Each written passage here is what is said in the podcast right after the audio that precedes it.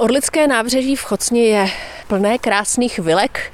My jsme tu ale eh, hlavně kvůli těm nejzajímavějším a mezi ně rozhodně patří dům číslo popisné 964, eh, dům, který vznikl v období první republiky a poznáte ho na první pohled, protože krásně obrostlý břečťanem.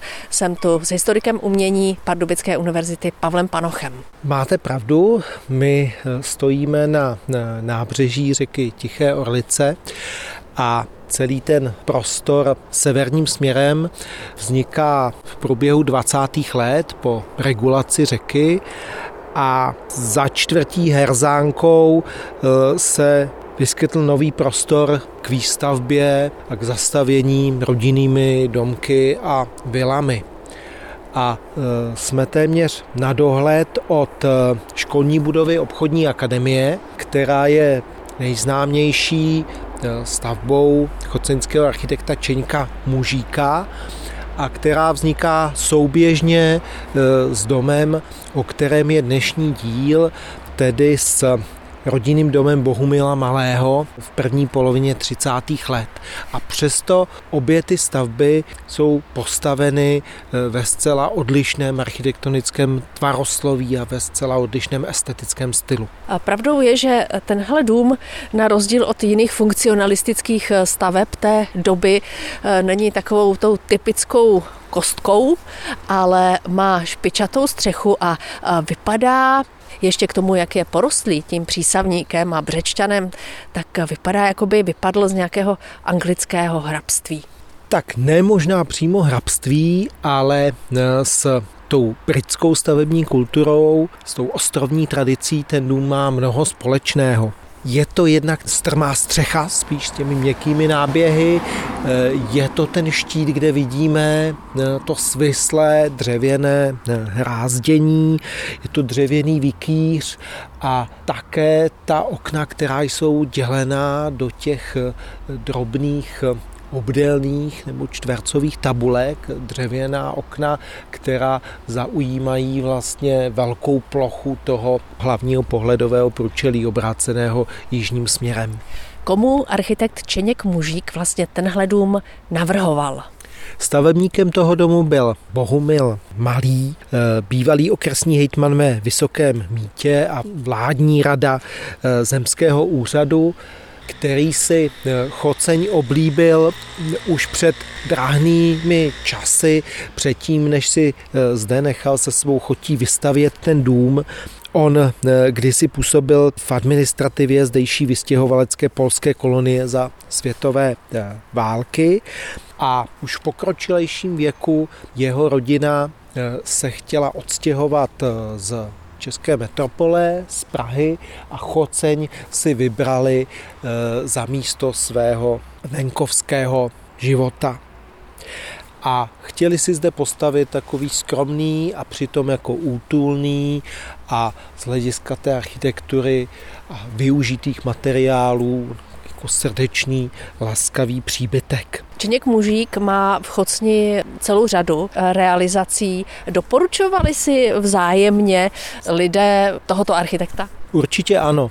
Mimo jiné takovým ideovým poradcem eh, pro stavbu eh, toho rodinného domu Bohumila Malého byl choceňský továrník František Schejbal, který byl bratrem právě choti Bohumila Malého a továrník eh, František Schejbal měl eh, svůj rodinný dům a tu továrničku vlastně dá se říct na dohled na druhém břehu řeky Tiché Orlice. My teď eh, stojíme v té čelní frontě na nábřeží před domem.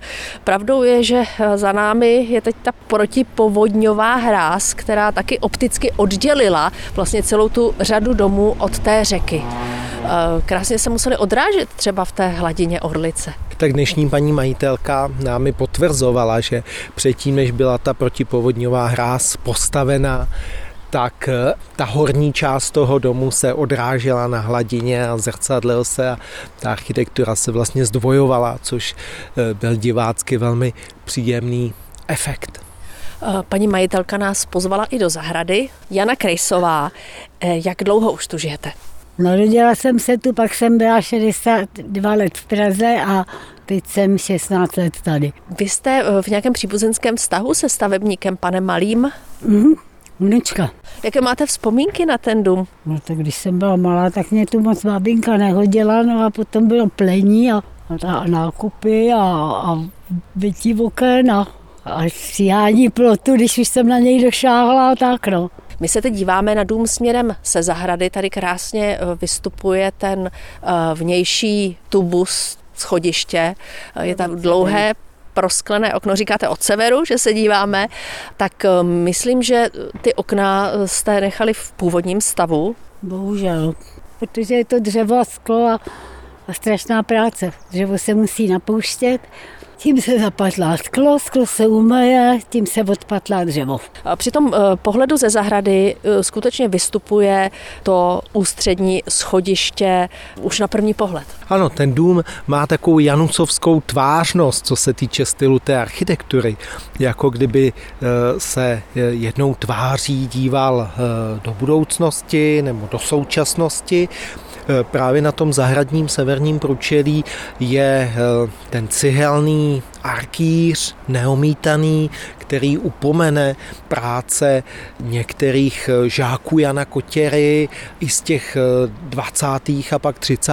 let. Třeba Josef Gočár velkou část svých veřejných budov v Hradci Králové postavil tady v tom holandizujícím stylu s přiznáním toho líce té červené jako cihly a ta rumělková barva je velmi osvěžující, když je v kombinaci právě třeba s tou zdrsnělou omítkou nebo s těmi dřevěnými rámy oken, jak to vidíme zase naopak na tom jižním eh, uličním průčelí toho domu. Když se ale tak dívám, tak ten dům vlastně zůstal v té původní podobě. Tady vlastně nejsou žádné modernější přístavby. No tak ty kůlny akorát, ale ty už jsou tady tak stejně od války. Co vás řeší víc, dům nebo zahrada? Zahrada.